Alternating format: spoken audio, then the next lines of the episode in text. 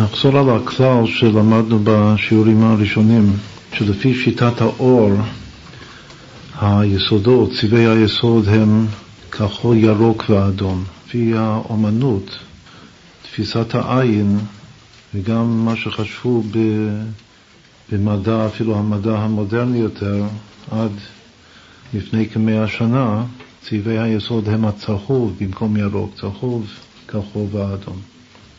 עכשיו, לפי הי"ק ו"ק שעשינו, היסודי של כל הארבע ביחד, אז ראינו שהצבעים היותר קרים הם במוח והיותר חמים בלב.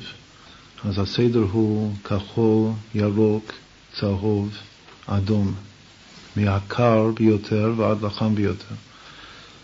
הזיווג של הכחול והירוק במוח, חוכמה ובינה, והזיווג של הצהוב והאדום בלב. ו"ק, ייחוד העילה וייחוד התתה. המים הקרים במוח, האש החם בלב, כמו שכתוב בתניא פרק ג'. עכשיו, אם לפי זה אנחנו uh, נתבונן מה השלושה שבחרו המדע, שבחר המדע היום, ומה השלושה שבחרה האומנות, רואים ששניהם יש להם את הקצוות, את הכחול למעלה והאדום למטה. כמו בספקטרום, אלו שני הקצוות. אבל המדע מעדיף בתור צבע יסוד שלישי את הירוק, שהוא עכשיו בבינה במקום הבינה. בעוד שהאומנות שה, מעדיפה את הצהוב שהוא כנגד הוו של שם השם בתפארת, בלב. זאת אומרת שאם אנחנו נתרגם את זה לאותיות של י"ק ו"ק, שלושת צבעי היסוד של המדע הם י"ק-ק. הוו נעלמת, הוו נכללת בתוך ה הילאה. בעוד ששלושת צבעי היסוד של האמנות זה י"ו-ק. את האימא נכללת בתוך הבן. במדע הבן נכלל באימא. לפי האמנות האימא נכללת בבן. זה גם כן דבר מאוד מאוד משמעותי כדי להבין את שתי הבחינות. שכאן זה י"ק-ק, בלי ו', זה מזכיר מה שכתוב בספרי הקבלה, שלעתיד לבוא הו' של שם השם תתפטר, או שתוחלף על ידי י'. זו הבחינה של המדע, י"ק-ק, ועוד שהבחינה של האומנות זה י"ו-ק. שלושת צבעי היסוד, שזה מאוד גם כן מובן על פי יסוד, אלו שלוש אותיות. לפי המדע אין שלוש אותיות, יש רק שתי אותיות, ההי כפולה. אבל לפי, ה, לפי השיטה של האמנות, שהצהוב הוא השלישי, אז יש את כל שלוש האותיות, י' ו' כ'. אז הוא לוקח, הוא מעדיף לבחור כצבע יסוד השלישי את הצהוב, שהוא הו' של שם השם. אז זו, גם כן הקדמה מאוד כללית חשובה. עכשיו אנחנו מוכנים, אם כן, לסכם את כל השיטות. ומה שיצא לנו, עכשיו בעזרת השם, הוא שיש שלוש שיטות כלליות איך לערוך את כל הצבעים. גם נשים לב שעיקר המושג צבע, אם כי שמענו שמקור הצבע הוא אימא, אבל הפירוט של הצבעים אלו הבנים של אימא, כמו ימי בראשית. צבע זו מציאות, כמו ששת ימי בראשית. עם היום השביעי השבת. מה שבשכל הוא מופשט מן המציאות. שכל טהור הוא אמור להיות או ציור בשחור לבן, או בגלי אור שאינם נראים לעין בכלל, שעל כן הי"ק של שם השם, השכל הטהור הוא נקרא הנסתרות על שם אלוקינו, שמרמז כאילו שאנחנו לא רואים אותו בכלל. לפי הפשט שהי"ק זה הנסתרות השם אלוקינו והו"ק זה והנגלות לנו לבנינו, אז היה מאוד מתקבל וככה אנחנו נראה זו השיטה שאנחנו בחרנו בה כעיקר שבי"ק בעצם צריך להיות גלי אור, באמת גלי אור, אבל גלי אור נסתרים שלא רואים אותם. כל המטווח הצר של אותם גלי אור שכן רואים בעין, שזה מתחלק לשש או שבע, אז זה אמור להיות כנגד ה... והנגלות לנו לבנינו. הצבעים הגוונים הנגלים, שוב, כנגד המציאות. המציאות ש, שנבראת בשישה ימים, וביום השביעי שבת ויהי נפש, אז הוא מציאות בצבע. זאת אומרת, העולם שאנחנו חווים אותו הוא עולם בצבעים. אז כל הצבעים זה חלק מהמציאות הנראית לעין, חלק מהעולם שנברא בשישה ימים, כל הצבעים הנראים. מה שלמעלה מה, מהצבע הנראה זה למעלה מה, מהמציאות, למעלה מהאבק, הוו קצוות עם השביעי, השבת. רק מה שצריך להיות איזו נקודה עליונה ששם הכל מצטייר בשחור לבן. כלומר שלפני שעוברים לתחום הנעלם, כלומר הגלי עין הלא נראים, בין המציאות הצבעית, המציאות היא בצבע. יש ההפשטה של המציאות שהוא בשחור לבן. ויש המעבר למציאות המוחשית, וגם מציאות, אבל זה הנסתרות השם אלוקינו, שהוא גם לא בשחור לבן. הוא בגלי אור שלא מתקבלים בתחום הצר הזה הנראה לעין. עכשיו זה הרעיון והסברה העיקרית שינחה אותנו בשיטה השנייה שלנו. אבל גם לפי השיטה הראשונה, שזה גם כל אחד יש לו את המעלה והפשט, עיקר הצבעים זה ודאי במידות. במידות זה ימי בראשית, ימי בראשית המציאות. עכשיו, זה שמוסכם על כולם, על פי מדע וגם על פי הפיזיולוגיה של, העין, העין הרואה את המציאות, שעוד לא דיברנו על זה כמעט בכלל, מה קורה בתוך העין, בתוך הרטינה של העין. אז זה מוסכם לכולם שיש שלושה צבעי יסוד. שלושה צבעים שאינם מתרכבים מהשאר והם מרכיבים את הכל. עכשיו, גם ברור לנו, כמו שחזרנו על זה הרבה פעמים, שהאדום הוא פשיטה גבורה, והצהוב גם כן פשיטה תפארת. הכחול הוא חייב להיות, אם כן, חסד. אם כי הרבה פעמים אומרים לבן, אבל כבר הסברנו מה זה הקשר בין הכחול והלבן. וראינו שלפי הפרדס בסוף הוא גם כן מסכים שהחסד הוא תכלת, כלומר כחול מלובן. אז זה ברור שיש, שגימל צבעי היסוד שבלב הם כחול, אדום, צהוב. לפי שיטת האומנות, למה? בגלל שזה בלב, כמו שהסברנו קודם, שהשיטה הרגשית היא שיטת האומנות. השיטה השכלית יותר, אז שם הצבע השלישי הוא הירוק, אבל בלב זה ברור שהצבע השלישי הוא הצהוב, והוא במקום התפארת. האמת שהצהוב יותר קרוב לאדום מאשר לכחול. רמז לכך שהלב של הבן אדם בצד שמאל של הגוף. גם כן אנחנו בשיעורים שלנו הסברנו כמה וכמה סיבות, פנים, לסוד הזה, למה הלב, שהוא לכאורה התפארת באמצע, למה הוא נמצא בכל זאת בצד שמאל. בקבלה כתוב שתפארת נוטה לימין, יסוד נוטה לשמאל. אז אם תפארת נוטה לימין, הייתי חושב שהלב צריך להיות בצד ימין. רק מה שתפארת כוללת גם את הריאות וגם את הלב.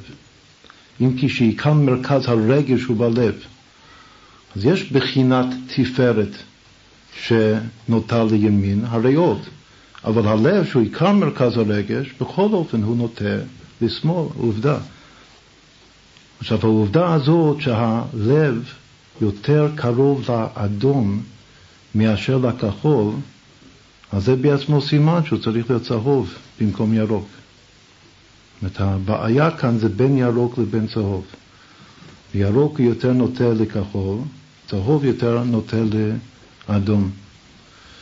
אז אם כן, זה ברור שהגימל צבעי יסוד כנגד חסד, גבורה, תפארת, זה כמו שלומדים בבית ספר יסודי עם ילדים שהם כחול, אדום, צהוב.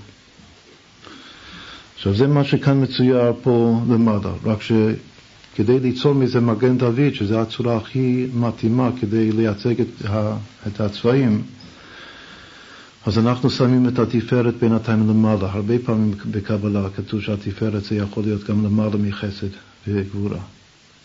אז הצהוב כאן זה התפארת, בקודקוד האמצעי שמצויר כאן למעלה, והכחול, החסד בצד ימין, והאדום, הגבורה בצד שמאל. עכשיו יש עוד, לפני שנעשה מזה מגן דוד, קודם צריך להתבונן בכל משולש בפני עצמו, אחר כך מחברים את המשולשים ומשלבים אותם. מה זה מגן דוד? זה שני משולשים הפוכים משולבים.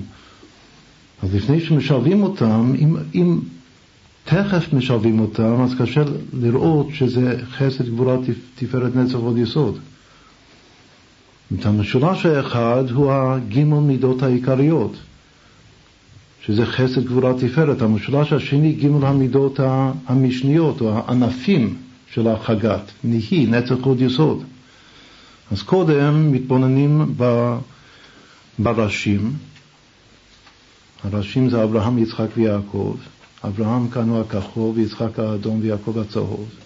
ואחר כך המשנים, נצח עוד יסוד, שהם צבעי המשנה. אז כאן למעלה, בצד ימין, זה הנצח. והנצח הוא אמור להיות בין הכחול לבין הצהוב. ככה בסוף נשלב אותו, כאשר נשלב יחד את שני המשולשים. אז זה ברור לפי זה, וככה גם שיטה שכתבנו על הדוח לפני כמה שיעורים, שהוא הירוק. החוד בין האדום לבין הצהוב הכתום, והסגול בינתיים קוראים לו סגול בגלל שברוב הספרים גם כותבים, יש כאלה שכותבים ויילט סגול, יש כאלה שכותבים פרופל ארגמן. אז אנחנו לא נכריע, לפעמים נכתוב סגול, לפעמים נכתוב ארגמן. בינתיים נכתוב סגול. הסגול הוא כאן למטה במקום היסוד, וירוק הוא נצח, וכתום הוד. עכשיו זה שכתום הוא הוד זה מאוד יפה, בגלל שהמידה הפנימית של ההוד היא מידת התום. הולך בתום, ילך בטח התמימות. כאן המקום להזכיר, רצינו להקדיש לזה שיעור שלם, אבל אין לנו זמן. רצינו שיעור הפרה אדומה תמימה. אולי הפרשה בתורה הכי, הכי אדומה, כן? זה ודאי פרשת פרה אדומה. תחילת פרשת זאת חוקת התורה, פרשה שכוללת בעצם את כל התורה, הכוח הכי אדיר שיש בתורה לטהר גם את אבי אבות הטומאה. הקשר בין צבע לבין טהרה. לפעמים צבע הוא משפיע על טהרה וטומאה בתורה, זה כלל גדול. למה? בגלל ששוב, מכל הצבע הוא אימא, שם הטהרה, לא הקדושה. כלומר שאור הוא מושג של קדושה, אבל צבע הוא מושג של טהרה. קדושה זה באבא וטהרה זה באימא. לכן כל הפרשיות וכל הדינים וההלכות בתורה הקשורות עם טהרה הן מאוד מאוד קשורות עם צבע. והכי חשוב מכולם זה, זו פרשת פרה אדומה, תמימה. עכשיו, על פי הקבלה, שלוש המילים האלה, פרה, אדומה, תמימה, הם הקו השמאל, הקו של הבינה, הקו של הצבע. גם צבע זה, עיקר סוד הצבע הוא באימא. אימא נקראת אם. חז"ל דורשים על הפרה תבוא האם ותקנח את צואת בנה. הפרה היא האימא. אדומה זה, זו הגבורה. עוד פעם, פרה זה בינה, אדומה גבורה, תמימה הוד. שלוש המילים פרה, אדומה, תמימה, אלו שלוש הנקודות בקו שמאל. בינה, גבורה, הוד. ושוב, ההוד היא, תמימ, היא תמימות, היא תום. אז גם במילה כתום זה כמו כתום, זה יש כאן את ההבהרה העיקרית, תום, תמימות, הולך בתום ילך בטח. אז זה רק מילה לגבי הכתום במקום ההוד. עכשיו, לאחר שיש לנו שני משולשים, שלושת צבעי היסוד ושלושת הצבעים המשנים, אז משלבים את זה. מגן דוד, וככה באמת בכל ספרי החול יש את הצורה, דווקא השטח או המקצוע שהכי הרבה רואים מגן דוד בספרי חול, בלי שום ידיעה שיש פה איזה קשר ליהדות, זה ספרים על צבע. בגלל שהצבע הוא, הוא הכי הכי מצטייר באופן טבעי לצורת מגן דוד, שיש שני משולשים, משולבים. משולש אחד של צבעי היסוד ועוד משולש שני של הצבעים המשנים שיוצאים מההרכבות הפשוטות של צבעי היסוד. אז אם כן עושים מזה אחר כך מגן דוד, ושהוא התפארת כאן זה למעלה. עכשיו מה, ש... מה שכאן, למה רצינו קודם לצייר כל משולש בפני עצמו, לא להתבלבל, בגלל שכאן יוצא בציור של נצח ועוד זה יותר גבוה מחסד וגבורה. אבל זו אשליה אופטית. שנדמה כאן עכשיו, שמשלבים את המשולשים, שהנצח וההוד עולים יותר גבוה מה, מהחסד והגבורה. אבל באמת צריך להסתכל על המשולשים. עכשיו, יש משולש אחד של צבעי יסוד, ומשולש שני משולב בו של צבעים משניים. אז יש צהוב, כחול, אדום, ירוק, כתום, סגול. עכשיו, אחר כך פה למטה, אנחנו כבר מסדרים את זה לפי סדר הספירות.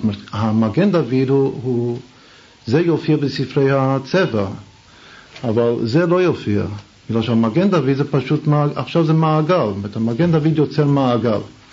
מה הכוונה מעגל? שעוברים מאחד לשני לפי הסדר של המעגל.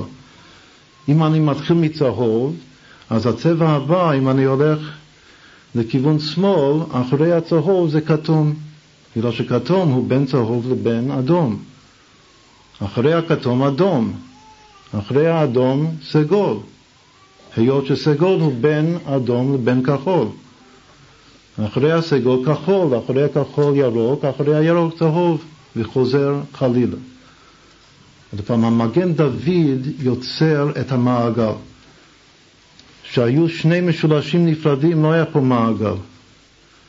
אבל כשאני מחבר אותם, אז עכשיו יש לי מעגל של שישה צבעים. אפשר להסתובב ככה, נגד השעון, אפשר להסתובב ככה עם השעון. ידוע היום גם בפיזיקה שסיבוב נגד השעון זה נקרא סיבוב של יד ימין, זה עדיף. זה נקרא סיבוב של יד ימין, זה מושג בפיזיקה המודרנית של ספין בחלקיקי האדום, תורת הספין. יש סיבוב, יש ספין, right spin ו-left spin, יש סיבוב ימני, שזה סיבוב נגד כיוון השעון, ויש סיבוב של השעון, זה נקרא סיבוב של יד שמאל, ככה האצבעות מסתובבות מסביב לאגודה ביד שמאל. ככה מכנים את זה בפיזיקה. יש סיבוב של ימין ויש סיבוב של שמאל. נגד השעון זה נקרא סיבוב של יד ימין.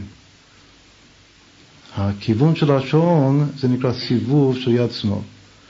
אז אפשר להסתובב או ככה או ככה, איך שבוחרים.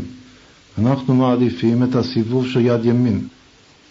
אפילו בתוך המידות גופה מתברר בקבלה שהחגת בינם לבין עצמם מסתובבים בסיבוב של יד ימין.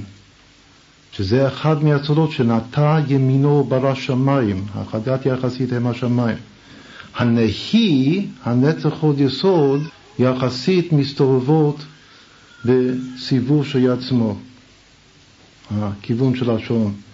נטע שמאלו וברא ארץ. מה זאת אומרת? זאת אומרת שאם אני מתחיל מצהוב, אז הסיבוב, הסדר הטבעי של הסיבוב הוא נגד השעון, כלומר מצהוב לכתום, לאדום. אבל אם אני מתחיל מכתום, הסיבוב הטבעי זה הפוך. זה מכתום לצהוב, לירוק, לכחול וכו'. עוד פעם, אין כאן המקום להסביר, להראות את זה, אבל רק uh, תאמינו שהסיבוב הפנימי את העצמי של החגת הוא סיבוב של יד ימין. והסיבוב של הנהי, המשנים, הוא סיבוב של יד שמאל. אבל למעשה זה לא משנה. כאן יצרנו מעגל שהוא מסתובב בשני הכיוונים, סביבון, סביבון של חנוכה.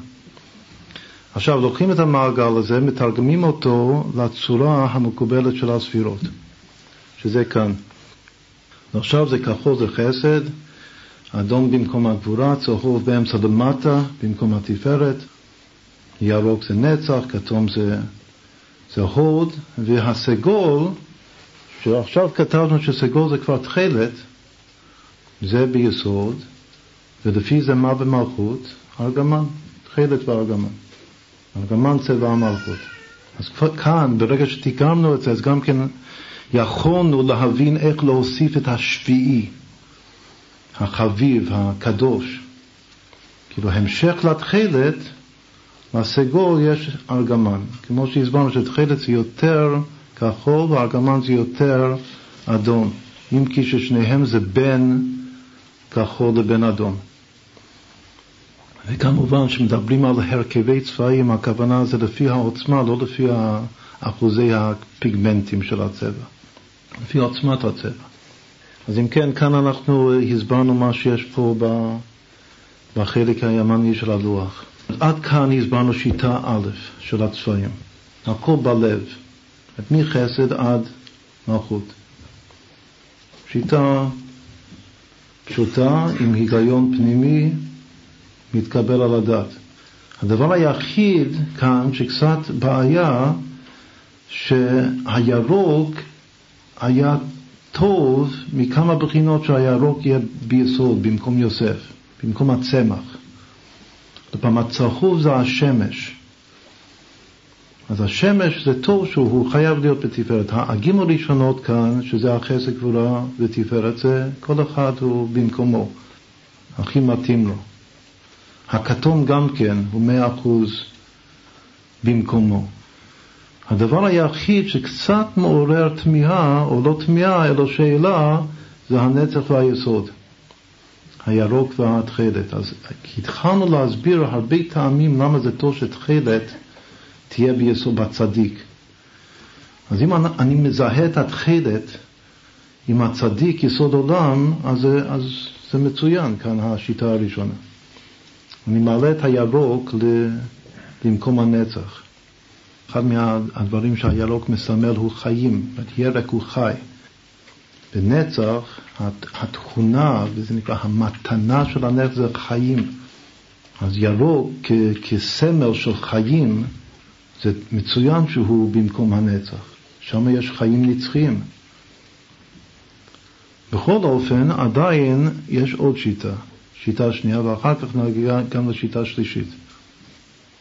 עכשיו, להתחיל להבין את השיטה השנייה, שזו השיטה שגם כתוב בספר סוד השם, מי שיש לו למד את זה, השיטה השנייה עכשיו, שהיא טוב גם להסביר את המידות, עד כאן אנחנו רק מדברים על המידות, וגם להסביר את ההשלכה של המידות כלפי מעלה, למוחין ואפילו לכתר.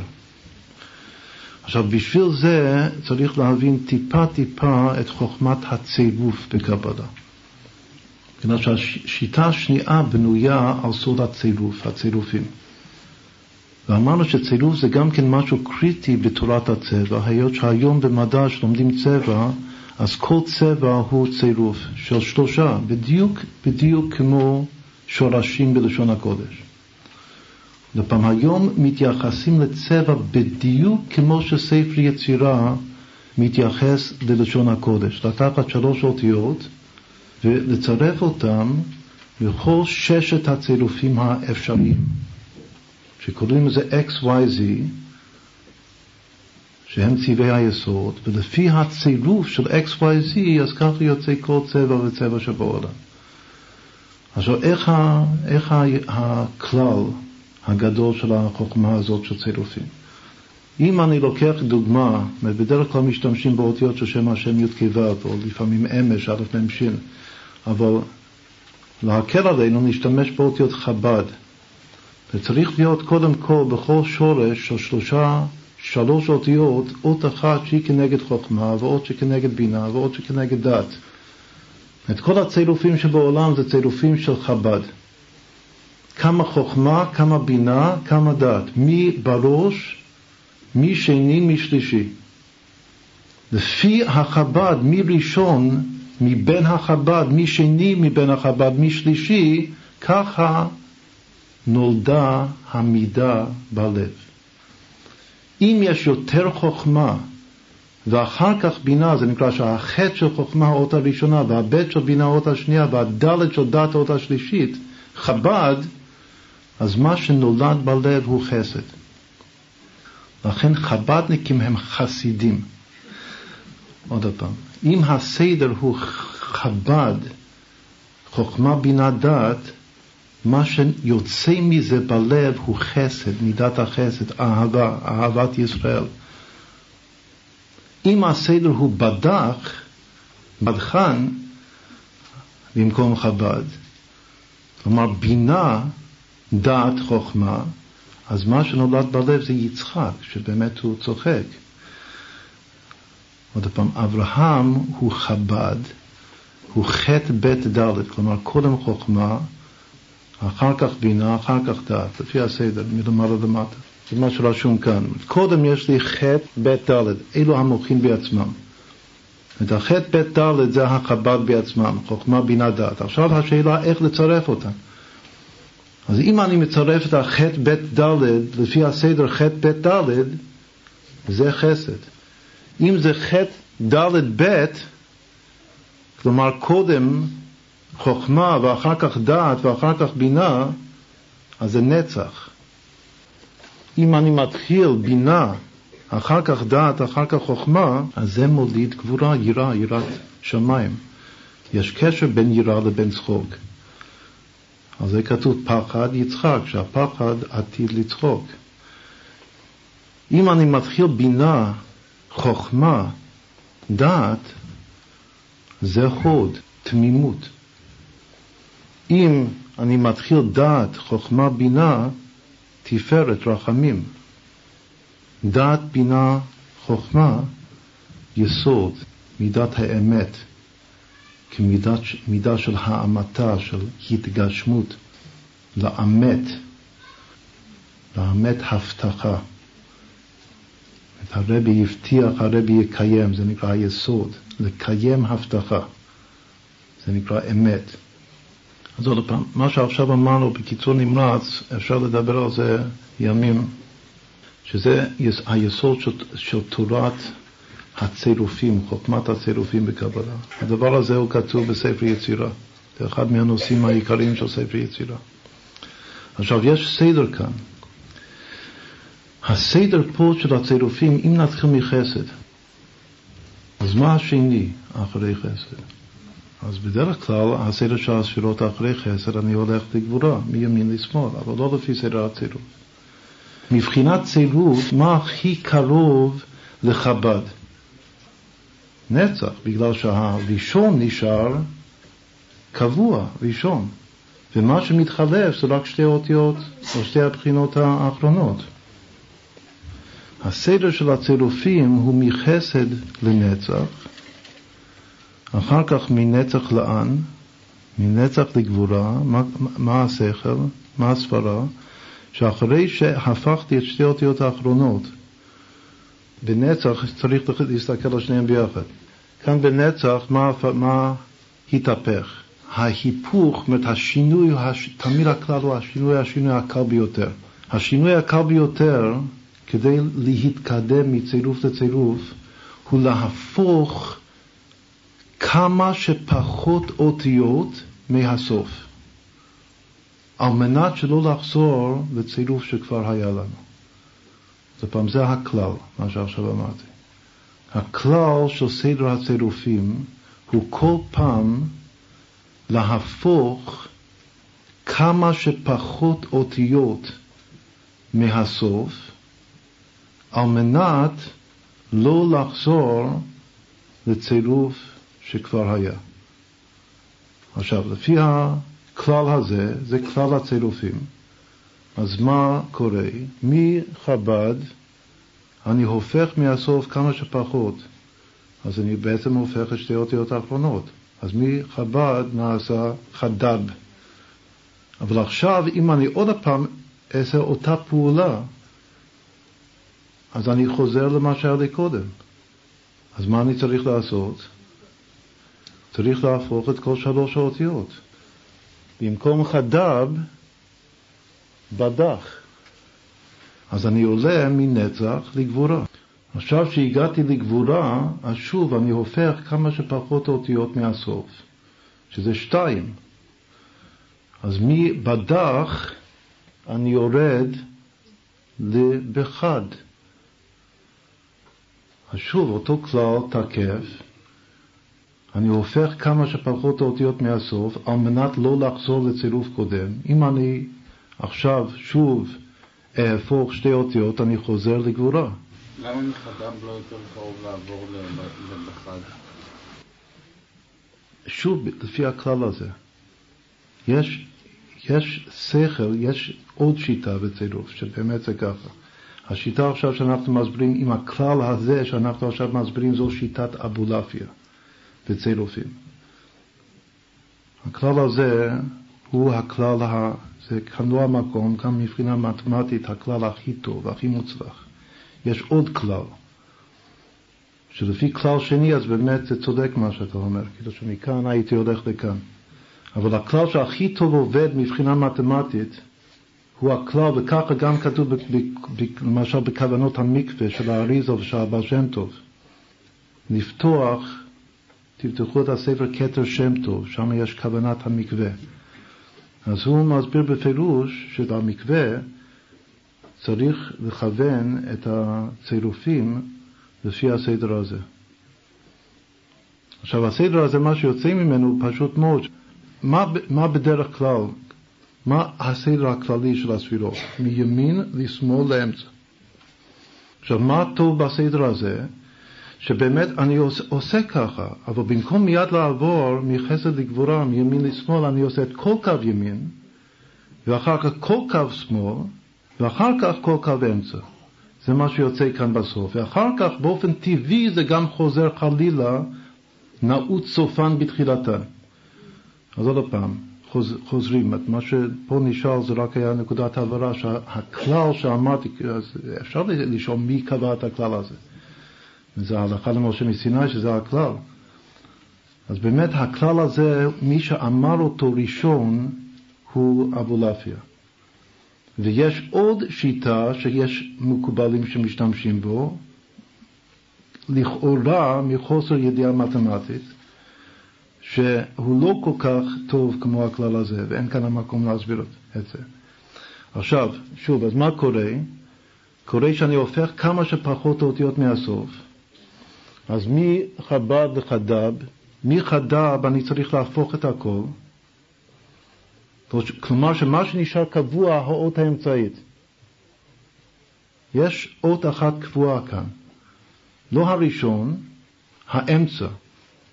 אם הייתי עובר מכאן לכאן, היה משהו נשאר במקומו קבוע? לא, הכל היה משתנה. כשאני עובר מכאן לכאן, אז לא שמרתי על האות הראשונה, אבל כן שמרתי על האות השנייה, שזה עדיפות שנייה. עכשיו זה לכתחילה.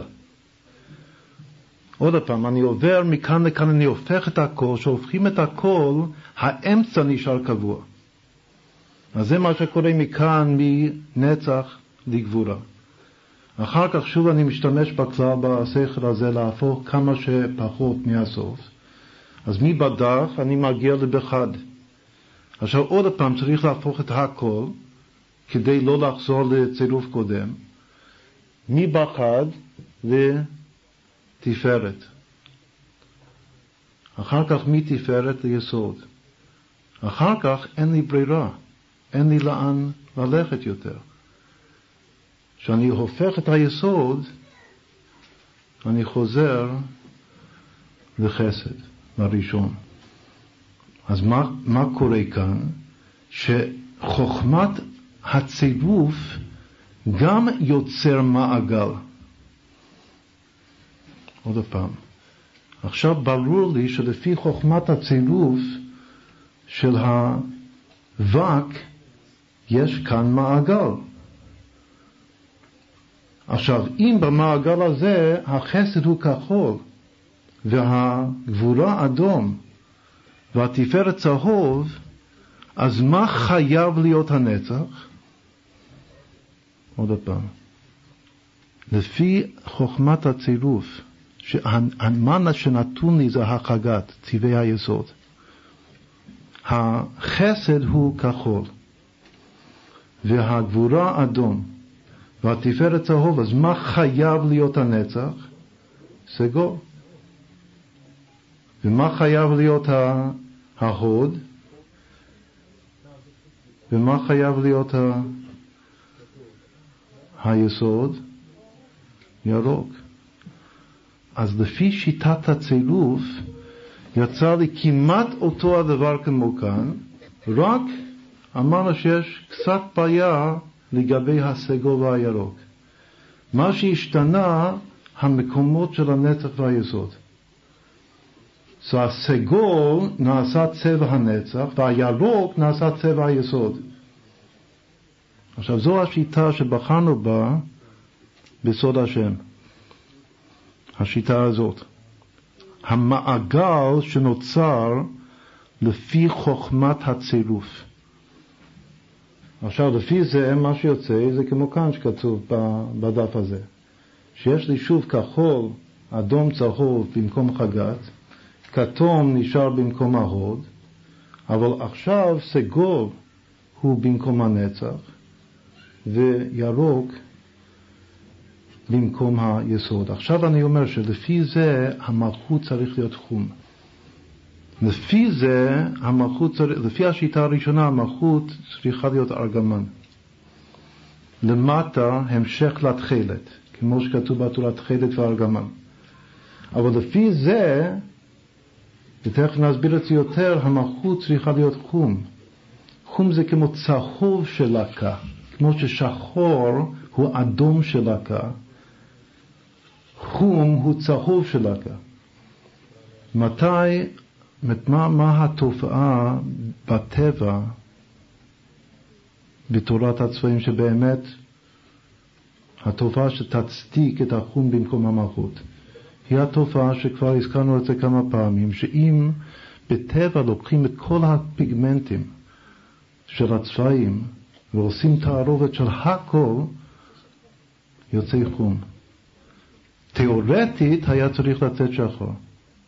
אבל מעשית, מוחשית, יוצא חום. למה? בגלל שהפיגמנטים אינם טהורים. אז זה, זה, זו מציאות, שבסוף מה שיוצא מהכל, הרי המלכות מקבלת את הכל. בסוף מה שיוצא מהתערובת של כולם, הערבוב של כולם, הוא חום. עכשיו, זה טוב שחום, שהוא זה הצהוב של הקר, הוא בקר באמצעי, הוא הבת זוג של ה... צהוב, דרך האמצעי הצדיק הירוק. מה טוב בשיטה הזאת?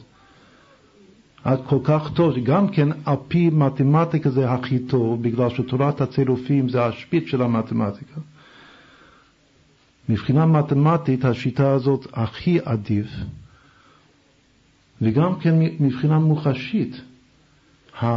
היסוד הוא הצמח. כאן העיקר הוא הקו האמצעי, שהקו האמצעי אומר בדימוי שמש, ירק, אדמה. וזה מה שטוב כאן בשיטה הזאת, שהשמש בשמיים מאירה לארץ, השמש הצהובה מאירה לארץ החומה, ואמת, אמת זה היסוד, אמת מארץ תצמח. הצמח הירוק, הוא מקבל גם כן כל התופעה של פוטוסינתסיס של החיות, אמרנו שירוק זה חיות, זה חיות שהצמח מקבל מקרני אור השמש. אז אם כן, כאן השיטה הזאת היא שיטה מאוד מאוד יפה, והשכל שמאחורי השיטה הזאת, חוכמת הצירוף. השכל שמאחורי השיטה הראשונה זה הבנייה הפשוטה של מגן דוד, שהנצח לכאורה צריך להיות האמצע בין החסד לבין התפארת. ואז הוא הירוק. והחוד האמצע בין האדום, הגבורה, לבין הצהוב, התפארת, שהוא כתום. והיסוד צריך להיות האמצע בין הקצוות, בין החסד והגבורה, הכחול והאדום, שהוא התכלת. לכן בחרנו בשיטה הזאת, קראנו לזה שיטה א', זה הכי פשוט להסביר לילדים, על פי קבלה. ילדים ירוקים בקבלה. אז זה השיטה הכי פשוטה. קצת יותר טוב ועמוק ומתקדמים זו השיטה השנייה הזאת, ששוב השיטה הזאת יוצאת מחוכמת הצילוף. והכל אותו הדבר חוץ מנצח ועוד. רק מה, שהוא גם כן מצביע למלכות מכיוון אחר. אומרת, כאן יש הצבעה על המלכות שתהי ארגמן, וכאן יש הצבעה על המלכות שתהי חום. בגלל ששוב, תכלת וארגמן זה המשך אחד, זה הולך ביחד. זה שתי בחינות של אותו עניין, של כחול, כחול אדום, רק שהתכלת יותר נותר לכחול והארגמן יותר לאדום. וזה כתוב בתורה ביחד כל הזמן. כל פעם שיש תכלת יש לידו, צמוד לו, תכלת וארגמן. תכלת זה הכל, חול בשמיים ובארץ. התכלת יחסית הוא יותר חסד והארגמן יותר גבורה. וזה היחס בין יסוד לבין מלכות בכל מקום. עכשיו, זה עכשיו נענה על השאלה הזאת. זה שהמלכות זה חום, רק אמרנו שלפי השיטה השנייה זה חום בגלל שזה הסך הכל של כולם. אמרנו שהשיטה, לפי שיטת האומנות, הכל יוצא מלבן והולך לשחור, רק שבמציאות השחור הוא חום. כל הצבעים יוצאים מלבן שהוא לא צבע והולכים לשחור שהוא כן צבע, ההפך הגמור משיטת האור. שבשיטת האור הכל יוצא מהשחור והולך אל הלבן, לכן לפי, לפי המדענים, שיטת האור, לבן הוא צבע. כלומר, לפי שיטת המדע, לבן הוא צבע ושחור זה לא צבע, זה היעדר האור. לפי שיטת האומנות, שחור הוא צבע ולבן הוא לא צבע. מה הכוונה לא צבע? אי אפשר להרכיב אותו מהצבעי היסוד. עכשיו, אלו ואלו, נקודת המוצא וגם הפנימיות של כל הספירות זו הדת. אמרנו שהרמק בכלל לא מתייחס לדת. כמו שהמלכות מקבלת את כל הגוונים למטה, ככה הנשמה, הפנימיות, המוצא של כל הגוונים זו הדת למעלה. לפעמים שמונים את המידות של הלב מתחילים מהדת, לא מהחסד. איפה? בעולם התור שנשבר. המלך הראשון, בלה בן באור, בלה יכול להיות שנקרא בלה בן באור, שהוא בלע את כל הגוונים. אז הוא שחור יצא. אז הוא הראשון שנשבר מבין המידות, והוא לא חסד, הוא דעת. ראשית גויים עמלק, בסטרא אחרא הדת עמלק, הוא ראשית גויים, ראשית כל המידות של הלב, ואחריתו עדי עובד. עכשיו, הוא גם ראשית, הדת זה גם ראשית, יש גם, כמו שיש פסוק ראשית חוכמה, יש גם פסוק ראשית דעת. הדת היא ראשית המידות שבלב. וגם האחרית, או גם קשורה לאחרית. כלומר שיש משהו שהכל יוצא ממנו וגם הכל חוזר אליו. עכשיו זה לבן שחור. את המושג שיש משהו שכל הגוונים יוצאים ממנו וכל הגוונים שווים אליו, הוא לבן שחור. הכל היה מן האפור והכל שווה לאפור. אנוכי עפר ואפר. הכל יוצא מאפור שבעצם יש שני קצוות לאפור. אפור יש לו שני קצוות, לבן ושחור. אז יש, למה כתוב הכל היה מן האפר והכל שווה לאפר? שזה הכל היה מן האפור והכל שווה לאפור, בגלל שלא ברור אם הוא יוצא מלבן וחוזר לשחור, או שהוא יוצא משחור וחוזר ללבן. אלו שתי השיטות של הצבע. יש שיטה אחת של צבע שהכל יוצא מהאפור השחור והולך שב אל האפור הלבן. יש שיטה הפוכה שהכל יוצא מהאפור הלבן ושב אל האפור השחור. עכשיו זה ברור גם כן למי שמתמצא קצת במושגים של הקבלה שהדעת שהוא כולל טרין עיטרין, כמו בתפילין יש ארבעה בתים, שני בתים כנגד ה' חסדים וה' גבורות שבדעת. בלשון ספר יצירה, וכך גם האריז"ל מכנה, הדעת הוא עומק טוב ועומק רע. יש לו שניים, שני מוחים, טרין עיטרין. עכשיו, עומק טוב הוא לבן ביחס לכל הגוונים, עומק רע הוא שחור ביחס לכל הגוונים. אז לכן מאוד מאוד מתקבל על הדעת שהדעת הוא ההפשטה, גם הראשית וגם האחרית של כל הגוונים, שחור לבן. לכן גם כן מי שרוצה לדעת, דעת הלשון הכרה, להכיר תכונות פנימיות, אז הוא מצייר לא בצבע, הוא מעדיף לצייר בשחור לבן, אפשר לדייק, לדעת יותר פנימיות בשחור לבן אפילו מאשר בצבעים. עכשיו שוב, אם אני לוקח את כל הצבעים, מסובב אותם בסביבון, אז מה שמתקבל לעין זה לפי שיטת אור, זה אדיטיב. אני מקבל לבן. אם אני מערבב אותם, את הפיגמנטים, אני מקבל, הייתי צריך לקבל שחור, למעשה אני מקבל חום. לכן כאן מה שאנחנו רוצים, כאן השיטה הזאת שהחום בסוף מהות, זה שאני מערבב את הממש, זה נקרא החיבור הממשי שלהם. אבל החיבור השכלי שלהם הוא לבן עם הבת זוג של הלבן השחור. וכל האפורים באמצע. אז ככה שוב, ככה יוצא בספר בסברה שלבן שחור כאן זה במקום הדעת. כמו ש... עכשיו אני מתחיל, אמרנו שיש צבעים, צבעים זה העולם הזה, המציאות. הדעת זה גשר. בקבלה יש עין בית קשרים בדעת. כל המושג דת הוא גשר.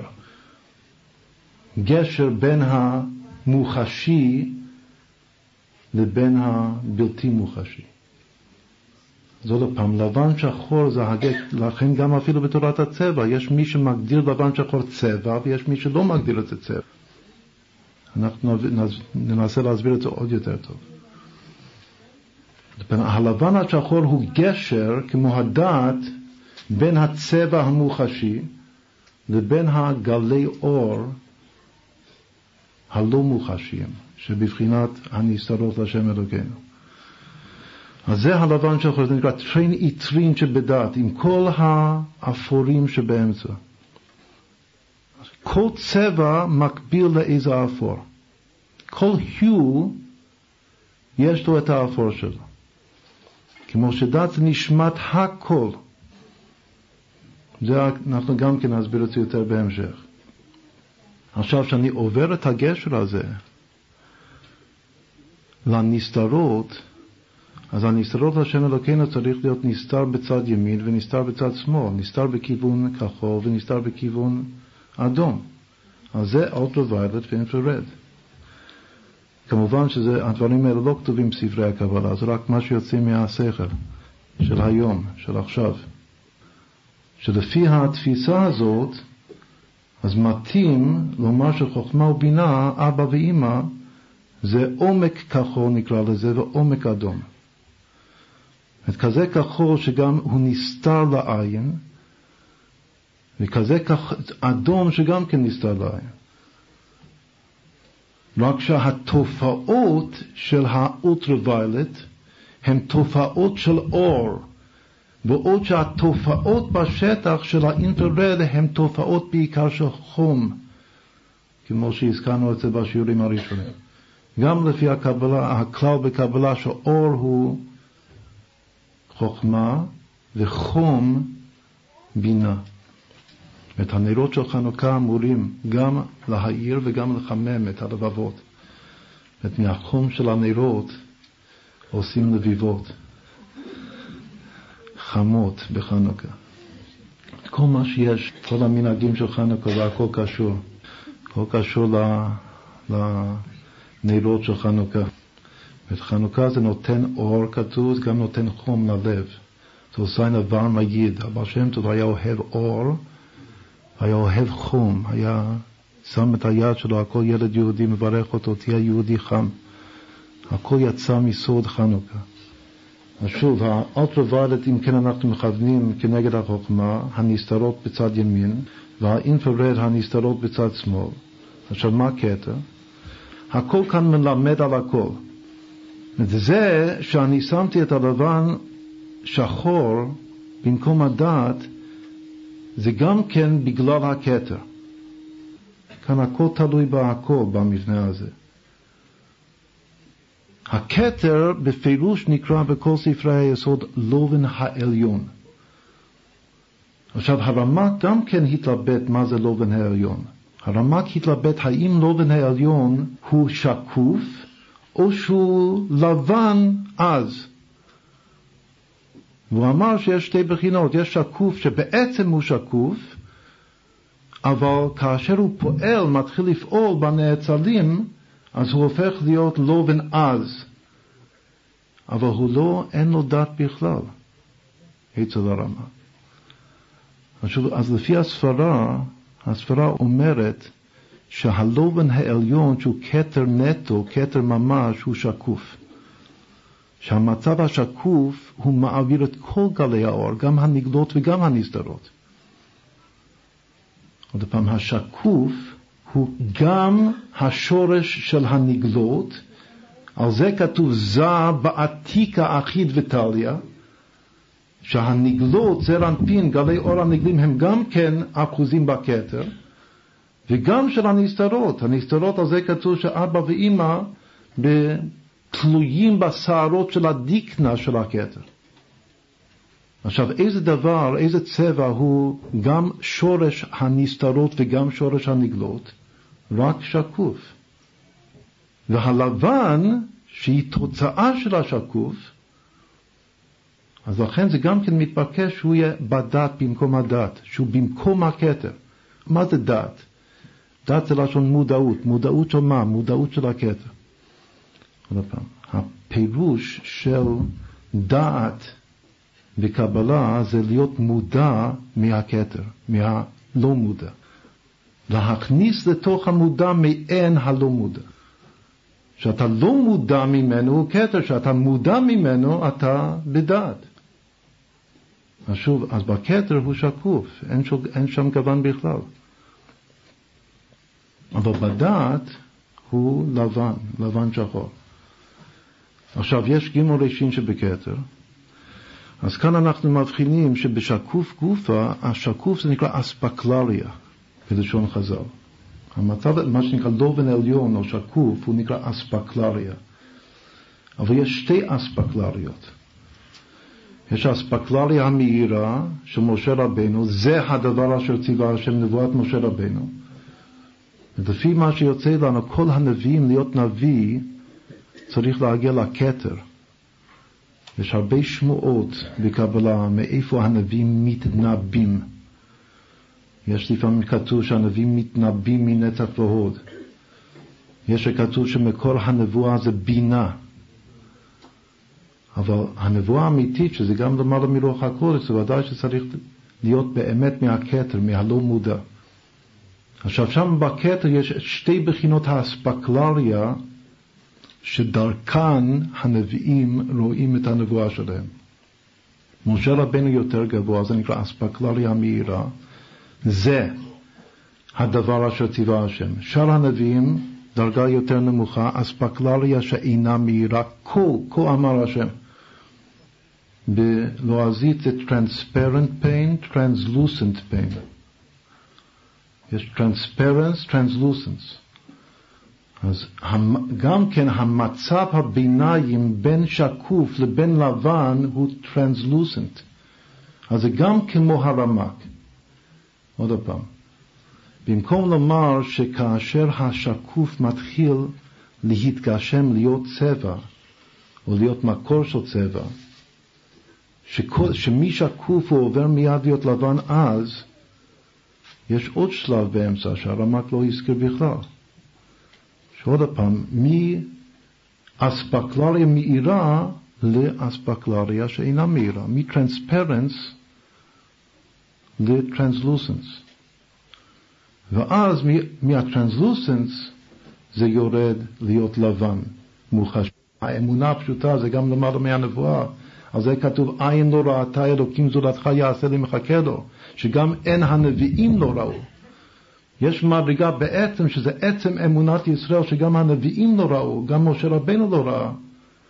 עין לא ראתה אלוקים זולתך יעשה לי מחכה לו, זה אנחנו מכנים שחור. כמובן שזה לא אותו שחור של הלבן שחור המוחשי. בכל אופן אין לנו מילה אחרת, זה נקרא שהכתר עליון, הדרגה הכי גבוהה, אף על פי שהוא אור צח, אור מצוחצח, הוא קם אי וקדם עילת העילות. אז שוב, זה גם אמרנו בקיצור הכי נמרץ, זו השיטה שכתוב בספר סוד השם, אפשר לראות, להבין את זה קצת יותר טוב. השיטה הזאת, שהשיטה הזאת יוצאת מחוכמת הצירוף. ואחר כך בבחינת מבין דבר מתוך דבר. ומחוכמת הצירוף יוצא שמהכחול אדום צהוב, שזה מוסכם בתור צבעי היסוד, בלב, לפי חוכמת הצירוף הוא מחייב שהמשנים יהיו לפי הסדר הזה. סגול, כתום, ירוק. מה שמתבקש מהירוק מתחת לצהוב הוא שיבוא חום במקום המלכות ולבן שחור במקום הדת והנסתרות יהיו הקצוות הבלתי נראים לעין והכתר הוא יהיה המקור המשותף של הכל שהוא השקוף בתוך השקוף גופה יש גימל בחינות כל זה והוא קם אי הוא קדם עילת העילות. עכשיו זה השכל של המבנה הזה, השיטה, מה שאנחנו קוראים עכשיו השיטה השנייה. אז גם כן בשביל ללמד צבע ככלל, זאת להכניס לזה את כל הגורמים וכל המושגים של החסידות. אם רוצים להסביר על, פי, על דרך ספרים להסביר את כל החסידות, את כל הספירות, כל כוחות הנפש, אז זה יכול להיות השיטה הכי טובה. במיוחד אם רוצים גם, גם עצם ההמחשה של שמש, צמח, אדמה, זה גם כן משהו מאוד מאוד אה, חשוב ויסודי. עכשיו אנחנו עוברים לשיטה השלישית. השיטה השלישית היא משהו פשוט מאוד שיוצא מהעשרה צבעים של המדע. אחרי זה נגיע ל-12 צבעים של האומנות. קודם נסביר עוד דבר. בשיעור הראשון אנחנו הסברנו שככלל המדע מבין את הצבע משלושה ממדים, כך הוא מייצג את הצבע. שיש קודם כל קו מלמעלה למטה, זה מימד אחד, שהוא לבן למעלה, לבן למעלה ושחור למטה, עם כל האפורים באמצע. זה מימד אחד. זה נקרא brilliance, או brightness, או value. יש כמה שמות שנותנים לזה. או value, או brightness, או brilliance. זה מה שאנחנו קראנו בהירות. עכשיו, מימד השני הוא מימד בעיגול. שמסביב לקו הזה יש עיגול מעגל של כל ראשי הצבעים. שלוש, ואחר כך חמש או שש, אחר כך עשר או שתים עשרה. כל הצבעים מסביב. עכשיו זה כבר אומר לנו, זה דוגמה לכלל שאמרנו שהבהירות, מה שעוד לא הסתכלנו על זה כאן, זה גם שייך לחוכמת הצירוף, הריבוע הזה כאן. בשלושת המרכיבים של הצבע, הבהירות הוא, אם כי שהוא חלק של הצבע, הוא הכי קרוב לאור. לאור פשוט, הבהירות. אז יחסית לצבע, אם רוצים להגדיר את החב"ד של הצבע, גם כן אמרנו את זה בקיצור בשיעור הראשון, הבהירות זה החוכמה של הצבע. הצבע עצמו הוא הבינה של הצבע. הבינה שבבינה, אם כל הצבע נחשב בינה. והעוצמה, הדעת של הצבע. עוצמה זה ה-saturation או intensity. עכשיו, איך בונים את המרחב, עוד פעם, רק אפשר לצייר את כל הצבעים במרחב של שלושה מימדים. איך בונים אותו? קודם לוקחים את מימד הבהירות, החוכמה. חוכמה זה זכר ובינה זה נקבה, אבא ואמא. ומציבים את מימד הבהירות כקו, מלמעלה למטה, מלבן לשחור. אחר כך אומרים שכל הצבעים מסתובבים מסביב לקו. איזה דימוי? מה הפסוק לזה? נקבה תסובב גבר. מה שמובא, ככה, ככה לומדים צבע באוניברסיטה. כן, יש הקו של ה... נקרא לזה הציר הפנימי, הבהירות, מלבן עד שחור. אחר כך יש כל הצבעים כולם, מימד שני מסתובב מסביב, בדיוק כמו שכתוב, נקבה תסובב גבר. אחר כך מה קורה? שכל אחד מהגוונים, אם אין עוצמה, הוא נשאר צמוד, קרוב לקו, לציר. אבל אם יש דחף, כוח, אז הוא פורץ החוצה למימד שלישי, שזה נקרא עוצמה, והוא נעשה יותר ויותר צבע חזק. מה זה ופרצת? מה זה דת? דת זה והאדם ידע את חווה אשתו על מנת לפרוץ, להוליד. הדת, אם כן, זה הוקטור, המימד של הוקטור שיוצא כלפי חוץ, שפורץ כלפי חוץ. בחינת יעקב, נחלה בלי מיצרים. עוד פעם, יש שלושה מימדים קודם, ציר של בהירות.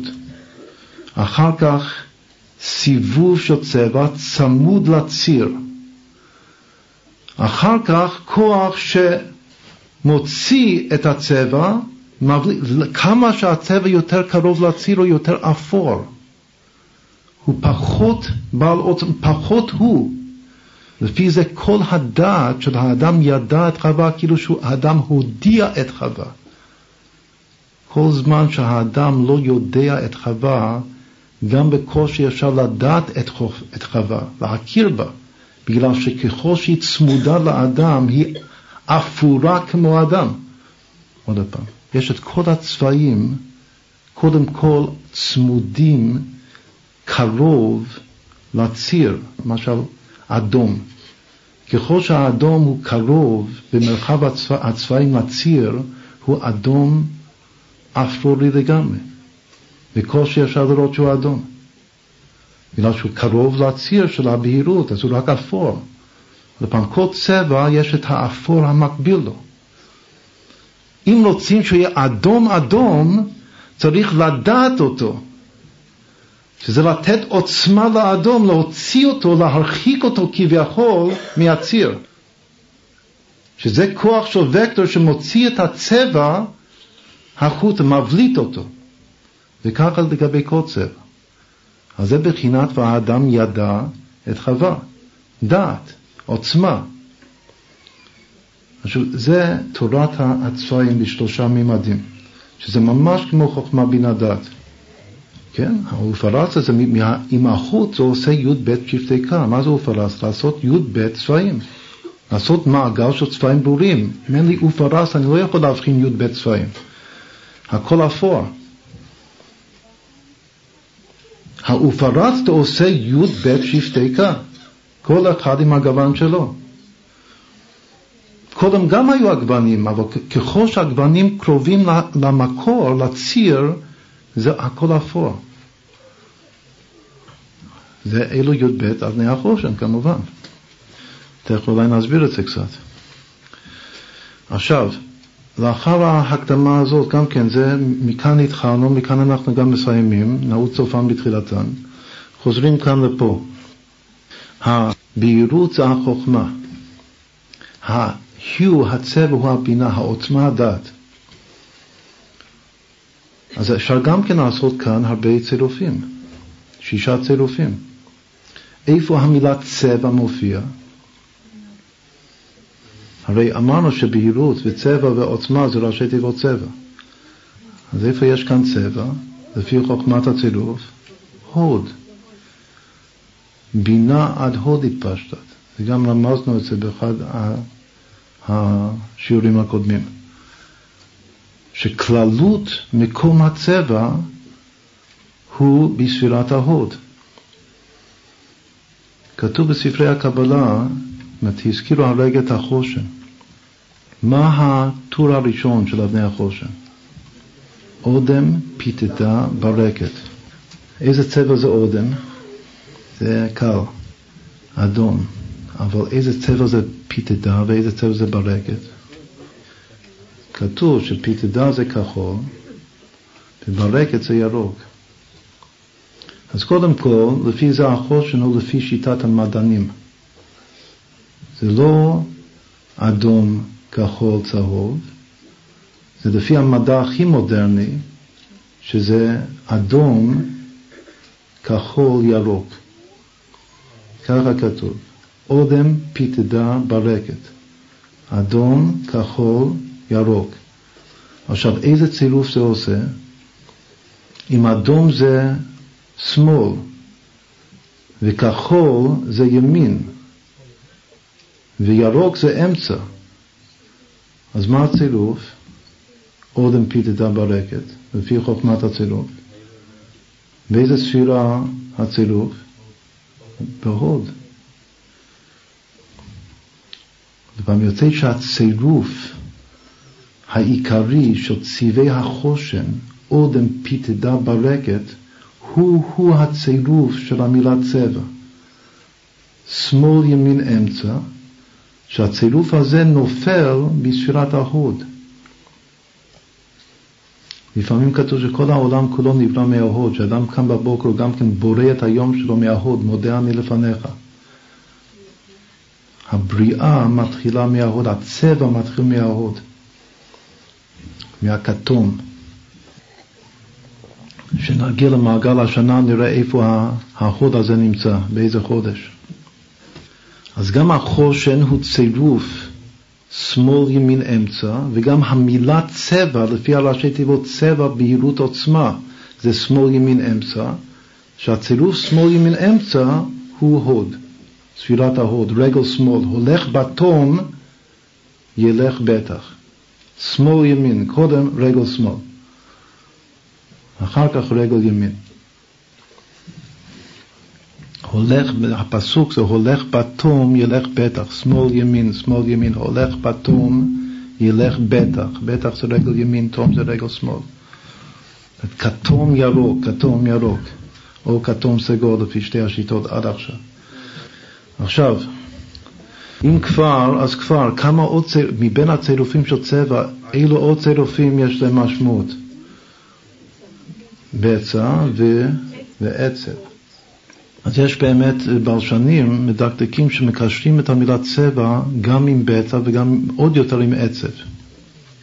מצבעים, או שזה טוב לעצבים, או שזה לא טוב לעצבים. וגם עסקים אותו הדבר. מבצועים. כשעושים מבצועים, אז צריך להיות בקיאים בתורת הצבעים בשביל מבצעים. מבצעים, בצע, יש הרבה משמעויות לבצע, גם יש לפצוע על הפת. ביצוע בלשון חז"ל זה פשרה, שעדיף מדין, זה מצד החסד. לעשות ביצוע זה לעשות פשרה. אבל בכלל ביצוע זה לבצע משהו, לבצע את האהבה שלך, זה מבצעים. אז יש כאן מבצעים ויש כאן עצבים. והעצבים, העצב הוא במקום הברית, ביסוד. העצבים ידוע, בכל הספרים אין כאן המקום, זה עוד נושא שלם בפני עצמו, כל מצב העצבים זה תלוי בתיקון הברית. זה כתוב בפירוש בכל הספרים. אבל יש כנראה השפעה של צבעים על זה, שאולי לעזור ב... על ידי תורת הצבעים. ומבצועים, מי עושה מבצועים? חסידים. מבצעים זה מושג של חסידים, מבצעים טובים. עם הרבה אהבת ישראל. אז זה גם כן צריך להיות אה, בקיא בתורת הצבעים בשביל לעשות נכון את המבצעים. אז שוב, זה היה להסתכל בצירופים של האותיות צבע. אבל העיקר מה שרצינו כאן להדגיש, שהמילה צבע עצמה, לפי חוכמת הצירוף, במקום ההוד. עכשיו, יש עוד תופעה שעוד לא הזכרנו במדע, אמר שיש הרבה ללמוד על העין, שלא התחלנו עדיין לנתח את העין. לתוך העין, לפי השיטות, מה שהספקנו והצלחנו להסתכל בימים האחרונים, אז קודם כל כתוב, זה דבר מוסכם, ללא עוררין, זה דבר מוחשי לגמרי, שבתוך העין, בתוך הרטנה של העין, יש שני סוגי גופים שקולטים אור, rods and cones. rods and cones. rod זה כמו מקל, וקון זה קונוס, כן? יודעים מה זה קון? כמו שאוכלים גלידה מתוך קון. עכשיו, שתי הצורות האלה, רד, רד זה ציר, מקל, קטן, קטנצ'יק. וקון, קונוס, אז זה בתור צורות גיאומטריות פשוטות, זה ברור שזה זכר ונקבה. את הרד הוא זכרי והקון נקבי. זה פשוט לנו. עכשיו, מה באמת הרדס והקון משמשים בתוך העין? הרדס קולטים את רמת האור, הבהירות. במיוחד בלילה, שלא רואים כל כך צבעים, רק רק אה, בהירות, כדי לראות משהו איכשהו בלילה, אז מה שבעיקר משמש בלילה זה רק הרץ. הקונס הם קולטים את הצבע, את הצבעים. עוד פעם, הרדס קולטים את האור והקונס קולטים את הצבע, הצבעים. הזכר את הבהירות והנקבה את הצבע. עכשיו בדיוק בדיוק תואם את ה... את אה, מהלך המחשבה של הקבלה, של הפנימיות. עכשיו יש עוד שיטה, עוד תיאוריה, עוד יותר, אה, זה דבר פשוט, ידוע, הרדס והקונס בתוך העין. יש משהו עוד יותר חדיש, שיש שלושה סוגי תאים שמעבירים את המידע דרך האפטיק נורב, העצב, את הצבע הוא זקוק לעצב, העצב האופטי, שהוא מעביר את המידע מהעין למוח. זה גם כן לא פשוט, שזה אחד מהעצבים החשובים ביותר בגוף האדם, the optic nerve. עכשיו, האפטיק נורב, כדי להעביר את המידע מהרטנה של העין למוח, אז לפי השיטה כנראה הכי חדישה במדע, יש שלושה, שלושה סוגי תאים שמעבירים מידע. אחד, הוא מעביר מידע של לבן שחור, השני של אדום, אדום ירוק, והשלישי של צהוב. אז הנה אמרנו, זה אמרנו כבר בהתחלת הסמינר, שיש אסמכתה ממש רק המדע הכי חדיש למה שכתוב בדבר פשוט, שלושה צבעים, לבן, אדום, צהוב. יש עוד דבר שיש בתוך הרטנה גופה, אדום, כחול, ירוק. שלושת צבעי היסוד של האור. עוד פעם, מה שידוע לפני כן, שיש גם כן קוטים בתוך העין, בתוך הקונוסים, יש שלושה סוגי קולטים שמה. אחד קולט את האדום, השני את הכחול, השלישי את הירוק, לפי שיטת האור, שלושת צבעי היסוד של האור. אבל נוסף לזה, כאשר העין בא להעביר את המידע למוח דרך העצב האופטי, שמשם יש blind spot בראייה, כנגד המקום של העצב האופטי, כמו שבחיצוניות העין רואים דרך השחור, אז גם בפנימיות העין האור מועבר, המידע של האור מועבר למוח דרך ה blind spot, נקודת העיוורון, שזה ה optic, המקום ששם נמצא ה optic nerve, שהוא יוצר תופעה בחוץ של נקודה, נקודה בתוך מרחב הראייה שלא רואים. אז גם כן כאילו שכל המידע מועבר למוח בדרך אפס, אפס ראייה. אבל בתור מעבירים יש שלושה סוגי מעבירים. יש מי שמעביר את הערכים של הלבנים, ויש מי שמעביר את הערכים של האדומים, ויש מי שמעביר את הערכים של הצהובים. אז זה ממש, זה, זה, מכל מה שאמרנו זה הכי פנימי, בגלל שזה המעבר, הקשר בין העין לבין המוח. וזה בדיוק לפי, ה, לפי מה שכתוב בפשטות בכל ספרי הסוד, מהזוהר והלאה, לבן, ממש לבן, אדום, צהוב. זה לא שלוש צבעי היסוד, לא של זה ולא של זה. טוב, אז עכשיו אנחנו חוזרים לכאן. יש ציר מרכזי, מבחינת הזכר, הבהירות, יש נקיבה תסובב גבר, שזה כל סיבוב הגוונים מסביב לציר, ויש ופרצת.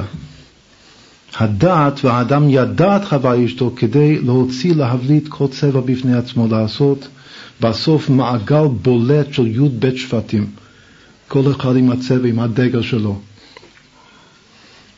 עכשיו השאלה, כל צבע מבין העשרה צבעים של המדע, אמרנו שלפי המדע יש עשרה צבעים במעגל, לא 12.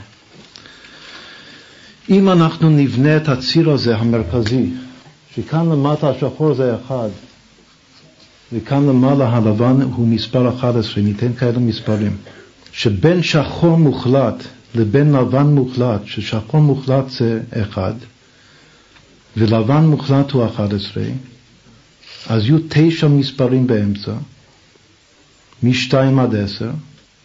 עכשיו אני לוקח כל צבע מבין העשרה צבעים, בעוצמה, העוצמה זו הטהרה שלו, בעוצמה הטהרה המקסימלית, איפה הוא נמצא בציר של הבהירות. עוד פעם, אני אקח את הצבע צהוב הראשון. צהוב צהוב, שהצהוב פורץ הכי הרבה שהוא יכול לפרוץ, שהוא הכי טהור שהוא יכול להיות, כמה בהירות יש לו? לא, יש לו תשע. הכי, הכי הרבה בהירות, לפי הסולם הזה של בהירות, אם זה היה 11 היה לבן, או לא היה שום דבר. אני, לוק... אני בונה מעלות, סולם, מ-1 עד 11, עם תשע באמצע.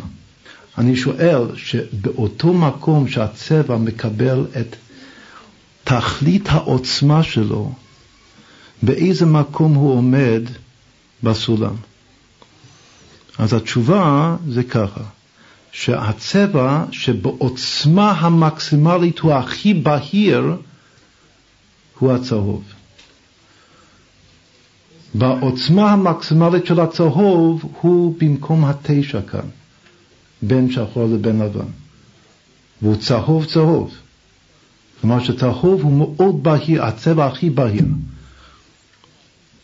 וגם כן סיבה, אם כי שזו שיטת המדע, אז זו סיבה מצוינת להצדיק את האומנות שאוהבים את הצהוב יותר מכל צבע אחר. בגלל שהוא הצבע הכי בהיר מכל הצבעים. אחרי הצהוב, השני זה צהוב ירוק. שהוא עומד במקום השמונה בסולם. אחרי, היר... אחרי הצהוב ירוק בא הירוק עצמו, שהוא עומד במקום השבע. הצהוב ירוק, ראינו בספר הרמק, הוא קרא לזה צבע המים שבעין. במדע קוראים, בעולם, בלועזית קוראים לזה קלור, צבע הקלור. צהוב ירוק, צבע המים קלור. הוא עומד שוב במקום השמונה. אחר כך בא ירוק, הוא עומד במקום השבע. אחר כך צהוב אדום, שהוא כתום, גם כן במקום השבע, פחות ממנו. כללית הוא במקום השבע. אחר כך יש שלושה שבכללות הם במקום השש. אבל הסדר שלהם זה כחול ירוק, אדום, אדום ארגמן. כאן במקום סגול אנחנו משתמשים במילה ארגמן, כמו שכתוב בספרים. אדום ארגמן, purple, red purple. אדום ארגמן זה מה שאנחנו זיהינו כתולת שני. אז הוא גם כן, ב, יש לו ערך שש, ערך הבהירות שלו. אחר כך כחול, חמש, אחר כך ארגמן עצמו, פרפל, גם חמש, והכי דהה, הצבע הכי שחור שיש בעולם במציאות, כחול ארגמן, הצבע שזיהינו כתכלת. הצבע שהרמה כתב עליו ראשית היציאה, מן, ראשית הפתיחה מן השחרות. הצבע שהוא הכי קרוב לשחור.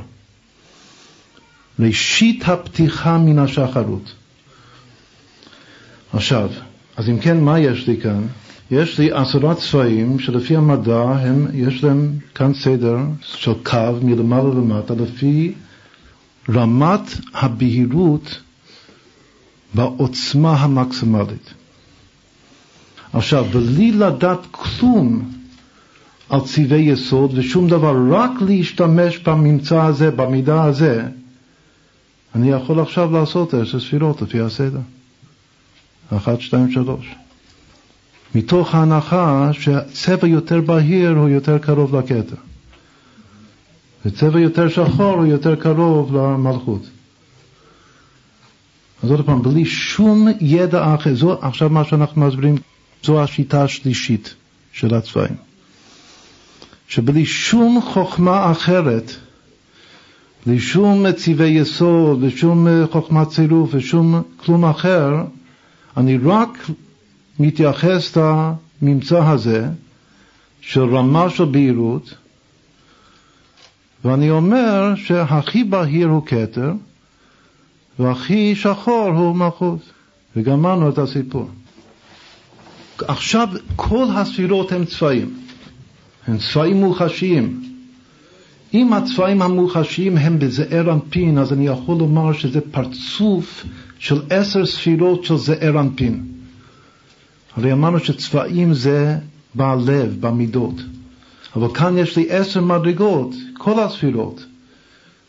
אז באמת השיטה הזאת השלישית זה פרצוף של עשר ספירות של זה, של זעיר אנפין, ששם הצבע בכלל. אז יוצא כאן שהכתר הוא הצהוב. יוצא שצבע המים שבעין הסגולה להוליד בן תלמיד חכם שלמדנו קודם, הוא כנגד החוכמה. זה גם כן, קצת חוש, זה הפלא ופלא. צבע המים, שזה הצהוב ירוק, שרמק אמר שמי שיש לו את הצבע הזה בעין, אז הוא יוליד בן תלמיד חכם.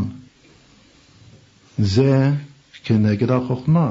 החוכמה זה גם המים, זה המקור של המים, זה גם כן המקור של העין.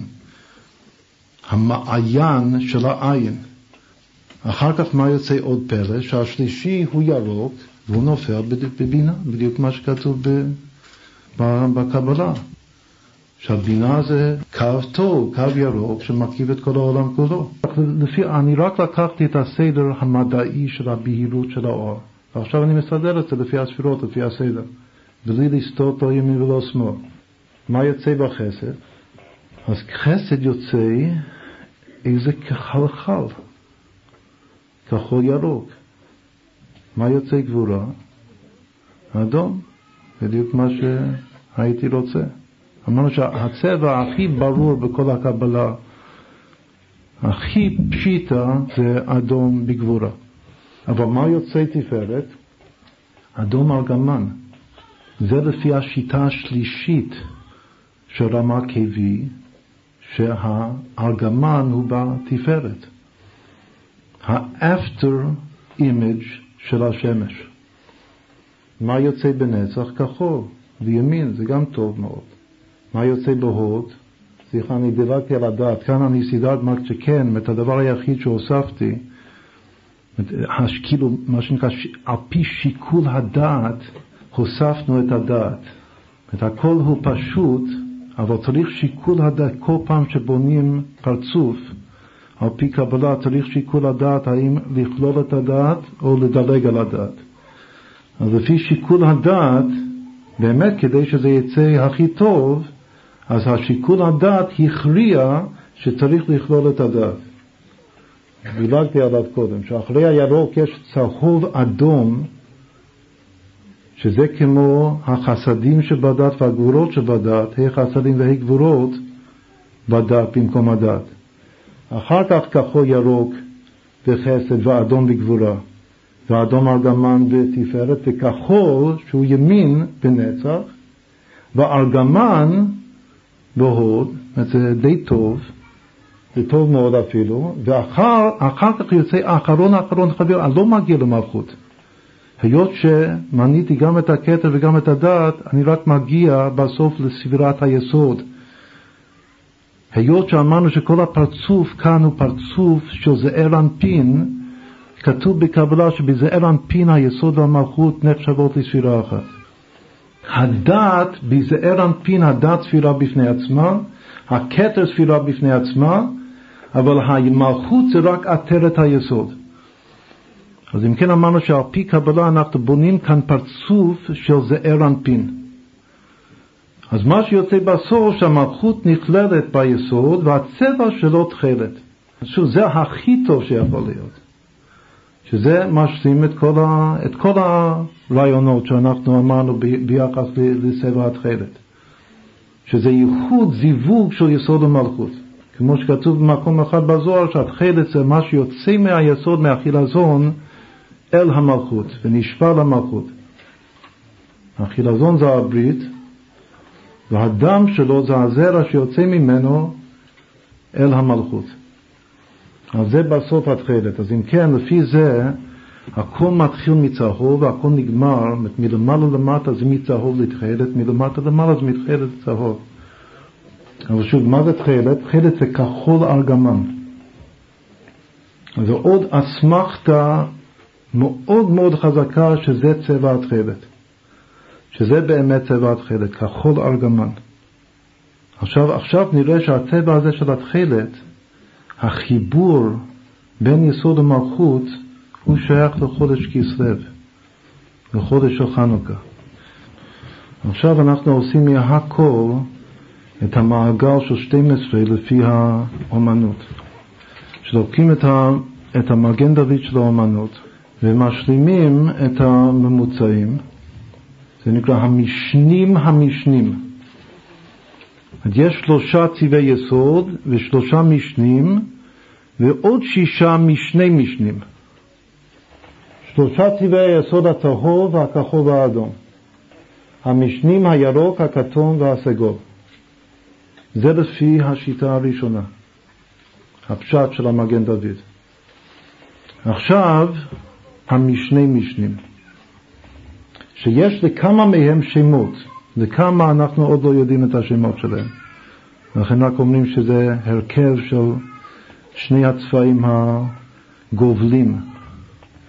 עכשיו, אם רוצים לסדר את זה כנגד מעגל השנה, אז קודם כל אנחנו נסתובב בסיבוב ימיני חסידי, כלומר הסיבוב של נגד השעון, ו... רק צריך לדעת איפה להתחיל.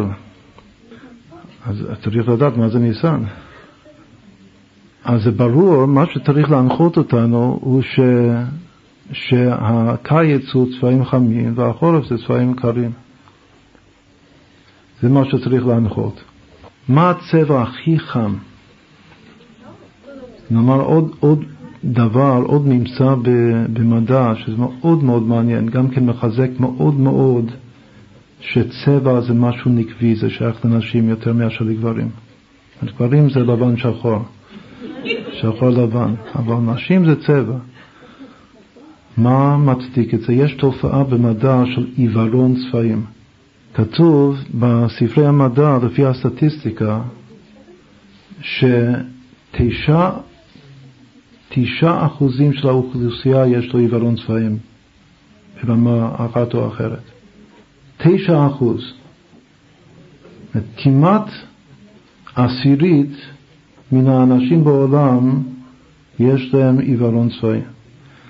מתוך התשעה אחוזים של עיוורון צבעים, שמונה וחצי גברים, וחצי אחוז בלבד נשים. עוד פעם, אלו, זה הסטטיסטיקה של עיוורון צבעים. כלומר שעיוורון צבעים היא תופעה זכרית. נשים אין להם עיוורון צבעים. נשים יש להם ראייה חדה וטובה של צבעים. אז מה זה אומר לנו? שוב, זה ממצא של מדע, של סטטיסטיקה פשוטה. זה אומר שגברים, זה לא, זה, יחסית זה לא העניין שלהם צבעים, העניין שלהם זה מופשט, שחור, לבן. אבל נשים בעצם קשורים, קשורות לצבעים. שוב, זה ממצא מתוך הספרים. זאת אומרת, שמה, מה, זה, מה זה תשע אחוז, ששמונה וחצי אחוז זה, זה, זה גברים וחצי אחוז זה נשים. בשביל לעשות את זה מספרים שלמים צריך לומר שאם ניקח חי אנשים עם עיוורון צבעים, טוב יהיו גברים ורק אחד אישה. לפעם, מתוך שמונה עשרה אנשים עם עיוורון צבעים, שבע עשרה יהיו גברים ואחת אישה. זה סוד בקבלה, טוב, וחי, טוב פלוס אחד זה חי. עכשיו, אז מה, אז שאלנו, מה הצבע הכי חם? עכשיו, אפשר למדוד את זה, זה גם כן משהו מדעי, אפשר למדוד רמות של חום וקור בצבעים. הצבע הכי חם הוא כתום אדום. הצבע הכי חם, לפי המדע, הוא כאן באמצע, ממש באמצע כאן, כתום, לפני, אל תסתכלו על החודשים עדיין, אנחנו רוצים, הרי זה הכל שיקול דעת, אנחנו בונים את זה מחדש, זה לא כתוב בשום ספר, צריך לבנות את זה נכון. הצבע הכי חם הוא כתום אדום. הצבע הכי קר הוא כחול ירוק. אז זה צריך להיות כנגד החודש הכי חם והחודש הכי קר. עכשיו כתוב שהחודש הכי חם זה אב והכי קר זה שבט. בתקופת תמוז גופה החודש החם ביותר הוא אב. מנחם אב, לכן הבית, בית המקדש, נשרף באש, בחום של סטרא אחרא באותו חודש. וצריך לבנות אותו באש. כתוב שבית המקדש השלישי ירד באש מן השמיים. עלה אריה, אריה הוא גם כן אש.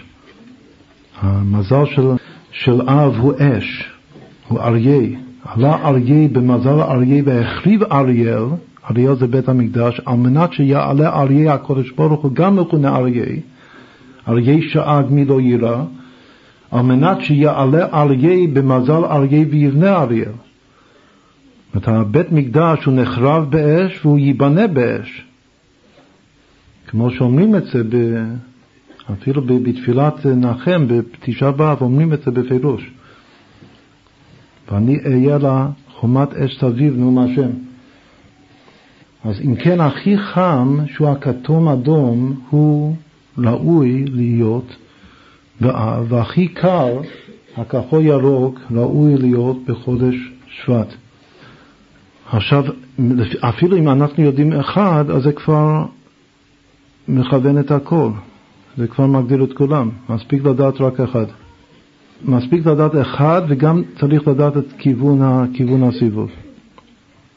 עכשיו, היות בשביל לדעת את כיוון הסיבוב, אם זה שבט הכי קר, אז איפה ירוק צריך להיות? באיזה צד שלו? לפני שבט או אחרי שבט? איפה הירוק צריך להיות ואיפה הכחול צריך להיות? אז הירוק צריך להיות אחרי שבט, והכחול צריך להיות לפני שבט. אז זה כבר אומר לי את הכיוון. אז מה יוצא? שאדר זה הירוק. וכחול זה טבת. עכשיו, מה יוצא? שיש תקופת, תקופת תשרי, כל תקופה זה שלושה חודשים. תשרי, אמרנו שמה שמתחיל בראש שנה זה נגמר בחנוכה. אז דווקא התקופה הזאת של תשרי, התקופה של הצבעים הנסתרים, שהם תכלת ארגמן תולת שני, לפי אותו סדר הפוך. אז יוצא שהתולת שני, שזה הארגמן אדום, הוא באמת חודש תשרי, חודש הדין. אם יהיו חטאיכם כשנים, כאשר לגלבינו. יוצא שהארגמן עצמו, צבע המלכות, הוא בחשוון. והתכלת, שזה הכחול ארגמן, הוא בכסלו. הכחול בטבע, עכשיו אנחנו כבר נכנסנו לכחול, אחר כך כחול ירוק, הכי קר, הוא בשבט, אחר כך מתחיל לצמוח, ראשית הצמיחה באדר, וניסן, יציאת מצרים, יוצא שזה הממוצע בין ירוק לבין צהוב. ואחר כך חודש אייר, הצהוב, וחודש סיוון מתן תורה, צהוב כתום, וחודש תמוז, הקיץ זה נקרא תקופת תמוז, אז זה צריך להיות החמים. מה זה שלושת החמים? כתום, כתום אדום ואדום. אלו החמים. אז הם תקופת תמוז, הקיץ. שלושת החמים, כמו ששל... מה זה שלושת הקרים? כחול, כחול, ירוק וירוק, זה החורף. זה נקרא תקופת טבת. אז יוצא שתקופת טבת זה כחול, כחול, ירוק, ירוק, הקרים, והקיץ זה כתום, כתום, אדום, אדום, החמים, והאביב והסתיו זה שני הממוצעים, יש הממוצע בספקטרום, שזה הצהובים, והממוצע שלא בספקטרום, הארגמנים. יוצא שהאביב הוא הצהובים, הממוצע בין כל לחום שבספקטרום, והסתיו הוא הממוצע שמסתתר כביכול מאחורי הספקטרום. משהו, מי שיתבונן בזה יראה שזה יוצא כפתור ופרח. מכל בחינה שהיינו רוצים. יוצא שאדום הוא אדום כאן שמעורר אהבה של אני לדודי ודודי לי. אלול זה חודש של אהבת דודים. חודש אדום, אלול. אז כאן זה אדום, כמו שהרמ"א כתב, שהאדום הוא צבע מעורר אהבה. האדום ארגמן הוא, שוב כמו שאמרנו, הוא תולעת שני. בשביל שהשם ידון אותנו לכף זכות בימים הנוראים צריך כל אחד להיות בבחינת תולעת. ואנוכי תולעת ולא איש.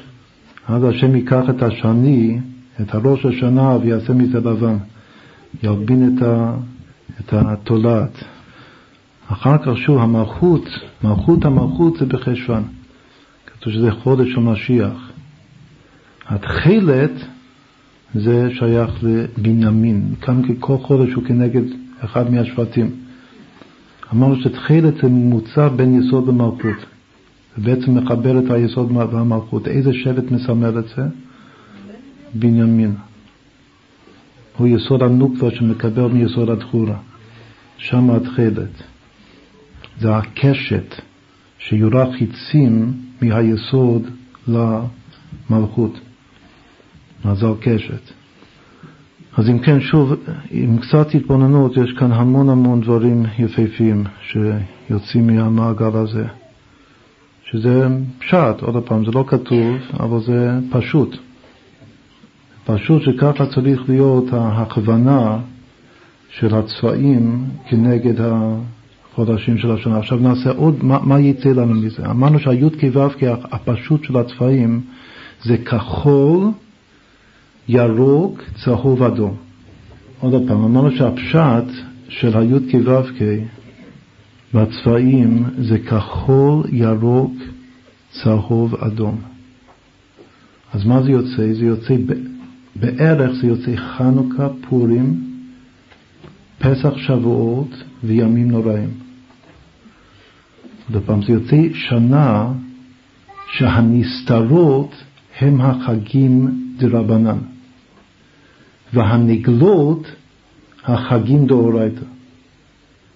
וסוד חביבין עלי דברי סופרים יותר מעינה של תורה. שוב, הכחול, אם עושים כזה י"ק ו"ק כמו שבנינו, הפשט, הכי פשט י"ק ו"ק בצבעים, זה כחול ירוק, צהוב, אדום. איפה הצהובים? יש שלושת צהובים, מה הם? ניסן, אייר, ניסן, אייר, סיוון. הגימל חודשים שכתוב צאת בני ישראל מארץ מצרים. רק בחודש הראשון והשני והשלישי כתוב ליציאת מצרים בתורה. ועל פי פשט זה אלו החודשים של פסח והעצרת של פסח. חג שבועות העצרת, הסיום של פסח. עם כל תיקון המידות באמצע. מה זה צהוב אצלנו? צהוב זה הוו של שם השם. מה זה הוו? תיקון המידות. מתי עושים תיקון המידות? בספירת העומר. לפעמים החודש הצהוב זה, זה חודש אייר, החודש האמצעי והעיקרי של ספירת העומר, תיקון המידות. אבל יש שלושה חודשים צהובים. מי הם השלושה חודשים הצהובים? עוד פעם, זה נקרא תקופת ניסן. מניסן עד סיוון, כולל. אז יוצא שה, ששני החגים הראשונים, פסח ושבועות, הם בתוך הצהוב. מה זה ימים נוראים? ימים נוראים זה מתחיל מאלול. גם לפי הסימן אריה, אלול, שנה, יום כיפור, שנה רבה.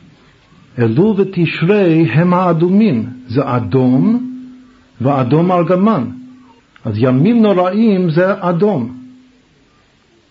חנוכה, חנוכה הוא יוצא בין התכלת לבין הכחול, זה הכחולים. זה יוצא מהתכלת אל, אל הכחול, מחבר את התכלת והכחול. ומה זה פורים? ירוק. אז יוצא ממש מכוון. מה זה חנוכה בקבלה? זה שמן, זה חוכמה. פורים זה יין, זה בינה. בכל ספרי היסוד, הסוד, הכלל הוא שחנוכה ופורים זה חוכמה ובינה בשורש. ואחר כך יציאת מצרים, שזה פסח ושבועות מתן תורה, זה הצהוב. ובסוף, למה ימים נוראים זה, זה אדום, שאדום כאן זה מלכות, בסוף. כאן התכלת הוא חוכמה בהתחלה והאדום זה מלכות בסוף. לפי הי"ק ו"ק הפשוט. אחר כך נעוץ סופן בתחילתן. לכן זה הצבעים, הצבעים של תשרי ובמיוחד חשבן וכסלו הם מאחורי הקשת, שזה נעוץ סופן בתחילתן. למה ימים נוראים זה אדום מלכות? בגלל שזה בניין המלכות בקבלה. כל המושג של אלול ותשרי זה לבנות את המלכות. באיזה צבע בונים את המלכות? באדום. לכן אלו האדומים. אז עוד פעם, עם קצת התבוננות רואים כמה שזה מכוון יפה לפי מעגל השנה. שהכחול, אני חוזר עוד פעם, הכחול זה חנוכה. עכשיו אנחנו יוצאים מחנוכה לקראת פורים. זה מה שמתחיל להיות היום, ברגע הזה. מחנוכה לפורים זה מעבר מכחול לירוק. אחר כך יש מצווה למסמך גאולה לגאולה, גאולת פורים לגאולת פסח, יציאת מצרים, מעבר מירוק לצהוב. אחר כך הקיץ באמצע זה מעבר, יש שם גם נקודת תורפה, השבירה, בחום של הקיץ. ג' השבועות, אבל זה אמור להיות, כמו שכתוב בספרים, מעבר וחיבור בין יציאת מצרים, פסח ושבועות, עם הימים הנוראים. אבל הימים הנוראים, שוב, פסח ושבועות, מה זה בעבודת השם בעיקר? תיקון מידות, שאלו הצהובים. ומה זה ימים נוראים? לא תיקון מידות. ימים נוראים זה בניין המלכות. זה אדום בסוף. לפי זה חנוכה זה בעיקר הפצת מעיינות החוכמה. יפוצו מעיינותיך החוצה. ופורים זה להתפרסם עד לא ידע וגם בכך לגלות את כל, כל הצבעים. זאת אומרת, רצינו שיעור שלם על הגוונים של פורים, לא, לא הספיק הזמן.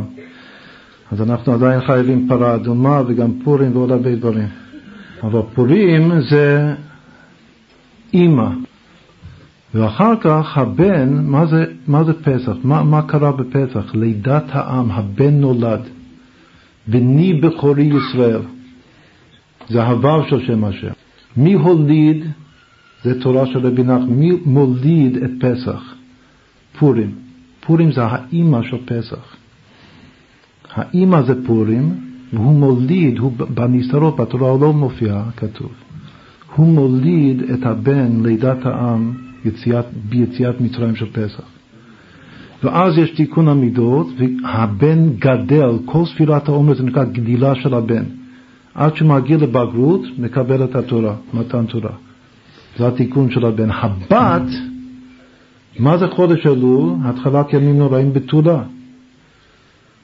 זה מתחיל להיות תיקון הבת. את כל הימים הנוראים זה תיקון הבת, תיקון המלכות, שאיך מלבישים את הבת בוורוד ואדום, כמו שדיברנו. עכשיו זה ככה ניתן להבין את כל מעגל השנה לפי הצבעים, לפי המעגל הזה. אז בזה אנחנו מסיימים בינתיים, ומאחלים לכולנו שהחג הזה של, של חנוכה, האור והצבע של האור יתפשט עד בלי די. מוסיף הולך ואור עד אינסוף ממש, וכל הצבעים יתקדו עד פורים ודאי, ואז תבוא מסמך גאולה לגאולה, גאולת עם ישראל, הכלל והפרט.